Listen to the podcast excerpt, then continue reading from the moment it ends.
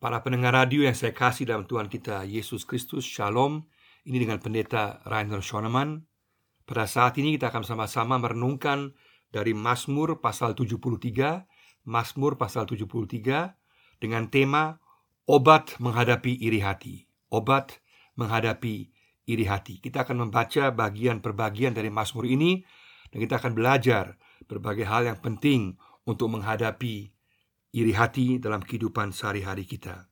Bagian yang pertama adalah iri hati pada keberhasilan orang fasik. Iri hati pada keberhasilan orang fasik ayat 2 sampai ayat 5. Kita membaca Mazmur Asaf. Tetapi aku sedikit lagi maka kakiku terpeleset, nyaris aku tergelincir. Sebab aku cemburu kepada pembual-pembual kalau aku melihat kemujuran orang-orang fasik. Sebab kesakitan tidak ada pada mereka, sehat dan gemuk tubuh mereka. Mereka tidak mengalami kesusahan manusia dan mereka tidak kena tulah seperti orang lain. Dalam bagian ini, si pemazmur Asaf dia merasa sangat cemburu, iri hati terhadap keberhasilan orang-orang fasik. Di sini dia menggunakan istilah kana. Kana dalam bahasa Ibrani bisa secara positif berarti suatu penyerahan diri yang sangat kuat, yang tinggi, tapi juga secara negatif kata kana berarti suatu kecemburuan yang sedemikian kuat akan kepemilikan daripada orang lain. Cemburu iri hati kepada sesuatu yang bukan merupakan miliknya sendiri dan kecemburuan ini, iri hati ini sedemikian menguasainya sehingga sungguh-sungguh meracuni seluruh kehidupannya sehingga dia mengalami kepahitan dan kekecewaan dalam kehidupannya. Dan dia merasa cemburu iri hati terhadap kesenangan dan harta materi yang dimiliki oleh orang fasik. Di sini kata fasik, kata sit berarti orang-orang yang memberontak kepada Tuhan, orang-orang yang dipenuhi keangkuhan, orang-orang yang tidak peduli kepada hukum Tuhan, dan orang yang berlaku semena-mena sesuai dengan kehendak mereka sendiri, secara sadar atau tidak sadar, mereka hidup dalam ketidaktaatan terhadap Tuhan dan melakukan dosa tanpa peduli. Secara praktis, orang fasik tidak peduli akan hukum, bahkan mereka bangga kalau mereka bisa melanggar hukum Tuhan, bahkan mereka bangga bisa mengatur segala sesuatu, bangga bisa menguasai segala sesuatu, bangga kalau bisa menyingkirkan orang lain, bangga kalau bisa main sikut dan kemudian menang sendiri.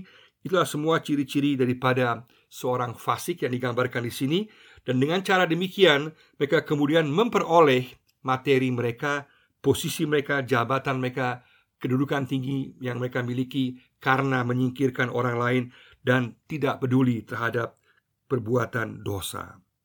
Dari sini kita lihat bahwa Asaf sendiri sebenarnya orang yang hidupnya berkecukupan. Kita baca dalam satu Tawarikh pasal 6 ayat 39 juga pasal 15 ayat 17 dan 19 kita tahu bahwa Asaf dia melayani dan juga seorang penyanyi, seorang Levi yang menyanyi di bait Allah dan melayani di bait Allah dan hidupnya berkecukupan dan dia mengenal banyak orang-orang kaya yang datang dan dia mulai merasa iri hati terhadap kekayaan, posisi, kedudukan, kesehatan dan keberhasilan mereka dan dia tahu persis bahwa mereka adalah orang-orang yang sebenarnya fasik yang melawan kehendak Tuhan. Nah, iri hati di sini bisa sungguh-sungguh menjadi racun yang sangat berbahaya yang merusak kehidupan juga kehidupan pribadi kita dan pelayanan kita. Karena kita pun juga bisa mengalami hal yang sama karena ada orang lain yang lebih kaya, orang lain yang lebih sehat, yang lebih berhasil, lebih cantik, lebih ganteng, lebih pintar, lebih daripada kita dan racun iri hati cemburu ini akan pelan-pelan merusak kehidupan kita karena menjadikan kita pahit, kemudian kita menjadi tidak puas, kita kehilangan damai sejahtera dan akhirnya membuat kita semakin meninggalkan Tuhan dan membawa kita kepada jalan orang fasik itu sendiri. Dengan demikian maka di sini digambarkan kecemburuan iri hati yang dalam terhadap keberhasilan orang fasik. Pertanyaan bagi kita adalah sejauh mana kita sungguh-sungguh mengatakan tidak kepada iri hati, kepada cemburu. Kita sungguh-sungguh stop dari awal. Kita tidak mau memikirkan hal yang bersifat kecemburuan atau iri hati, supaya dari awalnya kita tidak masuk ke dalam pusaran iri hati cemburu yang kemudian akan merusak kehidupan kita. Maka sejak awal kita harus mengatakan tidak melawannya sehingga kita bisa menghadapi kecemburuan dan iri hati dalam kehidupan kita. Bagian yang kedua adalah dosa harga sukses. Dosa sebagai harga sukses orang fasik. Dalam ayat 6 sampai ayatnya yang ke-12 kita baca, sebab itu mereka berkalungkan kecongkakan dan berpakaian kekerasan. Karena kegemukan kesalahan mereka menyolok, hati mereka meluap-luap dengan sangkaan, mereka menyindir dan mengata-ngatai dengan jahatnya. Hal pemerasan dibicarakan, mereka dengan tinggi hati. Mereka membuka mulut melawan langit, dan lidah mereka membual di bumi. Sebab itu orang-orang berbalik kepada mereka, mendapatkan mereka seperti air yang berlimpah-limpah, dan mereka berkata, Bagaimana Allah tahu hal itu? Adakah pengetahuan pada yang maha tinggi? Sesungguhnya itulah orang-orang fasik. Mereka menambah harta benda dan senang selama-lamanya. Di sini digambarkan bagaimana dosa sebagai harga sukses. Ya harga harus dibayar dari mereka yang adalah melawan Tuhan adalah mereka melakukan dosa untuk keberhasilan mereka secara materi, secara manusia. Kalau kita lihat secara permukaannya saja, kita lihat hanya di sepintas saja, maka memang benar bisa saja orang-orang percaya menjadi iri hati terhadap keberhasilan daripada orang-orang fasik yang menentang Allah karena ada banyak keuntungan secara materi yang mereka peroleh. Tapi pada saat yang sama, Asaf pun juga tahu bahwa harga yang harus mereka bayar adalah bahwa mereka menentang hukum Tuhan. Mereka punya sikap yaitu kecongkakan, mereka kesalahan, ketidakpedulian, kekerasan, pencelaan, penghinaan, penindasan, bahkan mereka juga kemudian menghujat Allah. Dan dalam semua ini nampak jelas bahwa apa yang diperoleh secara materi oleh orang-orang fasik, mereka kehilangan secara rohani. Artinya, mereka berhasil secara materi, tapi mati secara rohani. Sukses materi, tapi mati secara rohani. Dan kita tahu bahwa Allah bukan menentang materi. Allah malah senang kalau kita berkecukupan. Allah senang kalau kita memiliki yang cukup. Tapi bagi Allah yang menentukan adalah cara kita memperolehnya dengan cara yang benar sehingga kita juga mampu untuk menikmatinya.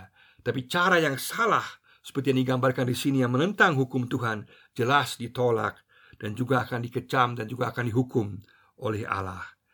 Untuk kita sangat penting jangan lihat kepada harta orang lain, tapi sungguh-sungguh lihat cara mereka mendapatkannya dan juga lihatlah kepada apa yang Tuhan telah berkati dalam kehidupan kita. Jangan kita terpaku kepada hal materi semata, tapi lihat kepada hal rohani. Lihat bahwa cara kita memperolehnya adalah menentukan bagi penilaian Allah, tapi juga menentukan agar kita bisa memperoleh kedamaian, ketenangan dalam kehidupan kita, supaya kita sungguh-sungguh bisa sukses materi, tapi juga kita dalam kehidupan rohani kita sesuai dengan kehendak Tuhan. Itu yang kedua. Yang ketiga adalah di sini, yang ketiga yaitu perasaan sia-sia ikut Tuhan. Perasaan sia-sia ikut Tuhan ayat 13 sampai ayat 16. Sia-sia sama sekali aku mempertahankan hati yang bersih dan membasuh tanganku tanda tak bersalah. Namun sepanjang hari aku kena tulah dan kena hukum setiap pagi. Seandainya aku berkata, aku mau berkata-kata seperti itu, maka sesungguhnya aku telah berkhianat kepada angkatan anak-anakmu. Tetapi ketika aku bermaksud untuk mengetahuinya, hal itu menjadi kesulitan di mataku. Di sini Asa mengungkapkan perasaan kesia-siaannya sia-sia untuk menyerahkan diri kepada Tuhan karena tidak ada dampak keuntungan secara materi langsung yang dia alami. Bahkan dia juga rupanya mengalami berbagai jenis penderitaan, persoalan dalam kehidupannya dan dia melihat bahwa orang lain, orang fasik, kehidupannya lebih baik. Dan semakin dia memperhatikan orang fasik, keuntungan yang mereka peroleh secara materi, lahiriah, secara kasat mata, semakin dia terjerat, terhipnotis dalam perasaan kesia-siaan yang kemudian merusak kedamaian hidupnya. Sama seperti ular yang mampu untuk menghipnotis kita, maka jangan pandang ularnya, harus langsung ambil tongkat dan pukul ularnya. Artinya, jangan kita terhipnotis oleh rasa cemburu, iri hati, harta orang lain, tapi sungguh-sungguh kita melawannya dengan memiliki pandangan rohani sehingga kita tidak terjerumus terkena dalam pusaran jerat pemahaman secara cemburu, iri hati yang menguasai hidup kita. Di sini jelas sekali bahwa Asaf merasa iri hati karena dia juga beranggapan seharusnya orang percaya sesuai dengan ulangan 7 ayat 12 sampai 14 harusnya mereka memperoleh berkat yang lebih dalam pemahamannya dibandingkan orang-orang lain. Tetapi dia lupa bahwa janji Tuhan di ulangan 7 ayat 12 dan 14 berlaku bagi bangsa secara keseluruhan kalau mereka mengikut Tuhan. Bukan berkaitan dengan pribadi-pribadi secara mutlak. Berarti biasanya benar Tuhan memberkati. Biasanya benar Tuhan memberikan bagi mereka yang sungguh mengikut dia bekerja dengan sungguh-sungguh. Tapi tidak berarti mutlak selalu begitu. Bukanlah slogannya taatilah Tuhan, berbuatlah baik maka otomatis kamu akan diberkati dan mempunyai kecukupan kekayaan sama seperti orang lain. Tidak demikian. Karena orang yang kaya yang melawan Tuhan, yang menentang Tuhan bisa lebih kaya karena mereka melakukan dosa dan menentang kehendak Tuhan. Maka di sini Asaf memiliki situasi di mana dia ada masalah besar. Sebagai pemimpin rohani dia tahu dia tidak boleh cemburu, tidak boleh iri hati. Di pada saat yang sama perasaan tersebut semakin kuat dalam dirinya, semakin menggerogotinya sehingga dia terjebak dalam perasaan iri hati. Kita pun harus berhenti untuk melihat kepada kecemburuan. Tapi sungguh-sungguh mengatakan Tuhan, aku mau melihat segala sesuatu dengan mata rohani. Yang keempat adalah kita lihat dalam ayat 17 sampai ayat 22, perjumpaan dengan Tuhan merubah pandangan. Perjumpaan dengan Tuhan merubah pandangan.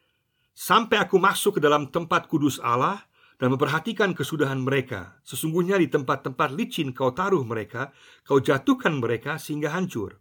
Betapa binasa mereka dalam sekejap mata, lenyap habis oleh karena kedahsyatan. Seperti mimpi pada waktu terbangun ya Tuhan, pada waktu terjaga, rupa mereka kau pandang hina. Ketika hatiku merasa pahit dan buah pinggangku menusuk-nusuk rasanya, aku dungu dan tidak mengerti seperti hewan, aku di dekatmu. Perjumpaan dengan Tuhan membawa asap pada suatu penilaian yang baru terhadap situasi dan keadaan orang fasik itu. Ayat 17 ini merupakan titik balik dari Mazmur ini. Kenapa dia berubah? Kenapa cara pandangnya berubah? Cara pandang Asaf berubah pada saat dia menghampiri Allah, pada saat dia berjumpa dengan Tuhan, pada saat dia bersekutu dengan Tuhan, pada saat dia berjumpa dengan orang-orang percaya yang lain, sehingga dengan demikian dia memperoleh cara pandang yang baru penilaian yang baru, pemahaman yang baru. Sehingga dia demikian bisa menghadapi situasi kecemburuan iri hatinya.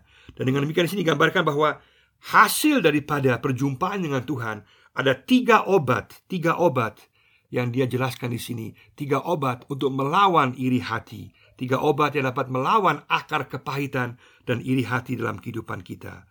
Obat yang pertama adalah perspektif sisi pandang Allah perspektif sisi pandang Allah yaitu persekutuan dengan orang percaya.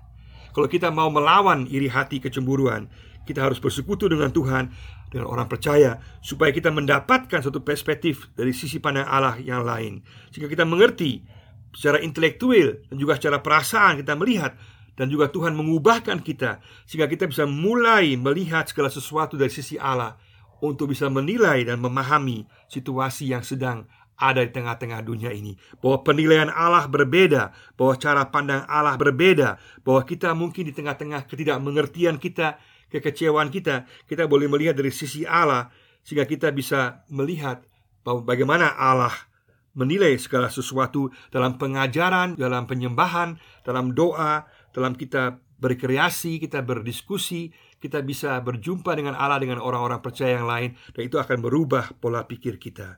Sangat penting bahwa kita orientasi kepada firman Tuhan yang berlaku kekal. Karena itulah obat yang akan memberikan kita cara pandang yang baru.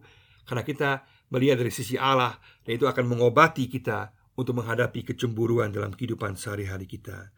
Obat yang kedua adalah dalam ayat 18. Keberadaan bukan kepemilikan. Keberadaan bukan kepemilikan. Artinya memperoleh pandangan yang realistis terhadap keberadaan orang fasik yang sesungguhnya. Bahwa sebenarnya yang penting adalah keberadaan dan bukan kepemilikan. Bagi Allah yang penting adalah keberadaan kita, sikap kita, kepercayaan kita, ketaatan kita kepadanya, hubungan kita dengannya, dan bukan soal kepemilikan. Jadi apa yang dianggap berkat oleh orang-orang fasik kemudian menjadi kutuk. Kenapa menjadi kutuk? Karena kemudian menjadi penghalang mereka, menjadi batu yang licin bagi mereka karena mereka merasa sukses, mereka merasa sehat, mereka merasa kaya, Mereka merasa tidak membutuhkan Tuhan, sehingga akhirnya kekayaan dan kesuksesan mereka membuat mereka menjauh daripada Tuhan, membuat mereka menjadi kebal kepada suara Allah, sehingga akhirnya membuat mereka menjadi menjauh daripada Tuhan dan akhirnya memperoleh kebinasaan. Artinya, berkat bisa menjadi kutuk, berkat materi bisa menjadi kutuk. Kalau kita tidak ikut mendengar suara Tuhan, berorientasi kepada Tuhan. Berkat materi tidak mempunyai arti apa-apa dalam penilaian di hadapan Allah. Bukan merupakan penilaian apakah kita rohani atau tidak rohani, tidak. Berkat bisa menjadi sesuatu yang menjadi berkat bagi orang lain, tapi juga hal materi bisa merusak kita sehingga menjauhkan kita daripada Tuhan dan menjadi kutuk dan bahkan kemudian membawa kebinasaan. Maka obat yang kedua adalah kita memahami keberadaan kita dan bukan kepemilikan. Bahwa hubungan kita dengan Tuhan itu yang menentukan. Yang ketiga adalah obat yang ketiga adalah kekekalan, bukan kekinian. Kekekalan bukan kekinian. Artinya, kita memperoleh pandangan yang realistis terhadap masa depan orang-orang fasik yang akan memperoleh kebinasaan sesuai dengan ayat 19 dan ayat 20. Kalau kita melihat ke masa depan, kita akan lihat bahwa mereka yang mengikut Tuhan, mereka akan memperoleh kemuliaan, mereka akan diterima oleh Allah. Kita harus berpikir jangka panjang, jangan pipen, jangan pikir pendek, tapi pipan, pikir panjang. Lihat bahwa jangka panjang orang percaya akan dimuliakan akan diberkati dan akan diterima oleh Allah dalam kemuliaannya yang kekal. Maka tiga obat ini sangat penting melihat dari sisi Allah. Yang kedua, mementingkan keberadaan di atas kepemilikan. Dan ketiga, mementingkan kekekalan di atas kekinian. Itu akan menolong kita menghadapi kecemburuan melawan orang-orang yang kelihatannya berhasil, sukses, tapi hidup dengan cara berdosa dan menentang kehendak Tuhan. Dalam hal ini, kita bukan dihibur ke sorga seperti tuduhan daripada Karl Marx yang mengatakan orang Kristen dibius, dihibur ke sorga. Bukan, kita dihibur dari sorga, dihibur dari sorga karena sorga adalah realita yang merubah segala sesuatu sehingga kita memperoleh satu pandangan yang utuh tentang masa kini dan masa kekal sehingga kita bisa membuat penilaian dan juga memiliki pemahaman yang lebih lengkap. Siapa yang hanya menekankan kekinian akan mengalami kebinasaan kekal. Siapa yang orientasi kepada hal yang kekal kepada Tuhan, maka dia akan mengalami penyertaan Tuhan, berkat Tuhan di masa kini, tapi juga akan mengalami kesempurnaan kehidupan kekal ke dalam kemuliaan bersama-sama dengan Tuhan. Dengan demikian, kita bersama-sama dipanggil untuk sungguh-sungguh memiliki perspektif Allah, juga menekankan keberadaan di atas kepemilikan dan juga menekankan kekekalan di atas kekinian. Itu akan membuat kita menjadi tenang dan juga bisa mengobati kita menghadapi kecemburuan terhadap orang-orang yang kelihatannya sukses berhasil tapi jelas-jelas menentang Tuhan. Dan ini juga terjadi dalam kehidupan Asaf. Dia kemudian mengalami pembaharuan, perubahan cara pandang hidup dia. Karena sebelumnya di ayat 2 sampai ayat 16 dia hanya melihat soal kepemilikan seseorang. Sekarang ayat 17 sampai ayat 28 dia melihat kepada keberadaan hubungan seseorang dengan Tuhan yang berlaku kekal. Dan itulah yang penting. Asaf sadar dia merasa diri bahwa dia bodoh selama ini hanya melihat kepada soal kekinian semata-mata saja. Dengan demikian, maka pada saat ini, mari sama-sama kita sungguh-sungguh melihat dari perspektif Allah, menekankan bahwa keberadaan di atas kepemilikan dan juga menekankan kekekalan di atas kekinian, maka Tuhan akan menyertai kita, memberkati kita, dan memberikan kepada kita ketenangan, dan juga kita akan peroleh pemahaman tentang kehidupan yang lebih utuh. Bagian yang terakhir yaitu bagian yang kelima Yaitu poin yang kelima Yaitu berserah yakin kepada Tuhan. Berserah yakin kepada Tuhan Ayat 23 sampai ayat 28 Dan juga ayat 1 Tapi aku tetap di dekatmu. Engkau memegang tangan kananku dengan nasihatmu Engkau menuntun aku Dan kemudian engkau mengangkat aku ke dalam kemuliaan. Siapa gerangan ada padaku di sorga selain engkau? Selain engkau tidak ada yang kuingini di bumi Sekalipun dagingku dan hatiku habis lenyap, gunung batuku dan bagianku tetaplah Allah selama-lamanya. Sebab sesungguhnya siapa yang jauh daripadamu akan binasa. Kau binasakan semua orang yang berzinah dengan meninggalkan engkau. Tetapi aku, aku suka dekat pada Allah. Aku menaruh tempat pelindunganku pada Tuhan Allah supaya dapat menceritakan segala pekerjaannya. Dan ayat 1, sesungguhnya Allah itu baik bagi mereka yang tulus hatinya, bagi mereka yang bersih hatinya. Di sini Asaf menyerahkan dirinya kepada Tuhan dan sungguh-sungguh meyakini akan Tuhan. Dia mengungkapkan keyakinannya. Walaupun secara luar, secara lahiriah tidak ada perubahan, situasinya tetap sama. Orang yang fasik, orang yang melawan Tuhan tetap berjaya kelihatannya, tetap sukses kelihatannya. Tetapi sekarang dia telah merubah pandangannya, berubah prioritas dalam kehidupannya, fokusnya. Dia tahu bahwa hidup dengan Tuhan itu yang menentukan, yang akan mempunyai arti baik kini dan kekal selama-lamanya, sehingga dia mampu untuk bisa menikmati kehidupan dalam ketenangan, dalam berkat yang Tuhan berikan, dalam kecukupan yang Tuhan berikan, bisa menikmati apa yang Tuhan berikan, dan sekaligus boleh tahu bahwa kemuliaan Tuhan pasti bagi dia, sehingga dia bisa menikmati hidup dan juga materi yang dia peroleh, tapi sekaligus dia bebas terlepas daripada rasa kecemburuan iri hati kepada orang lain. Hanya dalam Tuhan kita bisa bebas dan sungguh-sungguh lepas daripada rasa iri hati dan cemburu. Mari sama-sama kita datang kepada Tuhan. Katakan Tuhan, inilah kecemburuanku, inilah iri hatiku, aku mau serahkan kepada Engkau Tuhan. Aku mau membuka diriku. Aku tidak mau terjerumus, terjerat dalam pemikiran iri hati dan kecemburuan. Tapi aku mau agar Engkau merubah aku sehingga ada kedamaian, ada ketenangan. Rubahlah pola pikirku sehingga aku melihat perspektif Allah, sehingga aku melihat bahwa keberadaan saya sebagai anakmu Tuhan lebih penting daripada segala kepemilikan, bahwa hal kekekalan berada di atas segala hal berkaitan dengan kekinian. Sehingga dengan demikian saya boleh tahu engkau peduli aku dan juga engkau akan memberkati aku dalam kehidupan saya juga di masa kini. Tuhan, pulihkanlah aku, obatilah aku dari rasa iri hati dengan kehadiranmu dengan pikiranmu, dengan kuasamu, sehingga aku dapat melawan iri hati dalam kehidupanku, mengalami ketenangan dalam kehidupanku, dapat fokus kepada hubungan dengan Tuhan, dan dapat menikmati kehidupan dengan Tuhan dengan berkat-berkat yang Dia berikan. Dan kita boleh yakin bahwa Tuhan tidak akan meninggalkan kita, dan kita akan memperoleh kemuliaan kekal selama-lamanya. Kiranya Tuhan memberkati kita semua. Amin.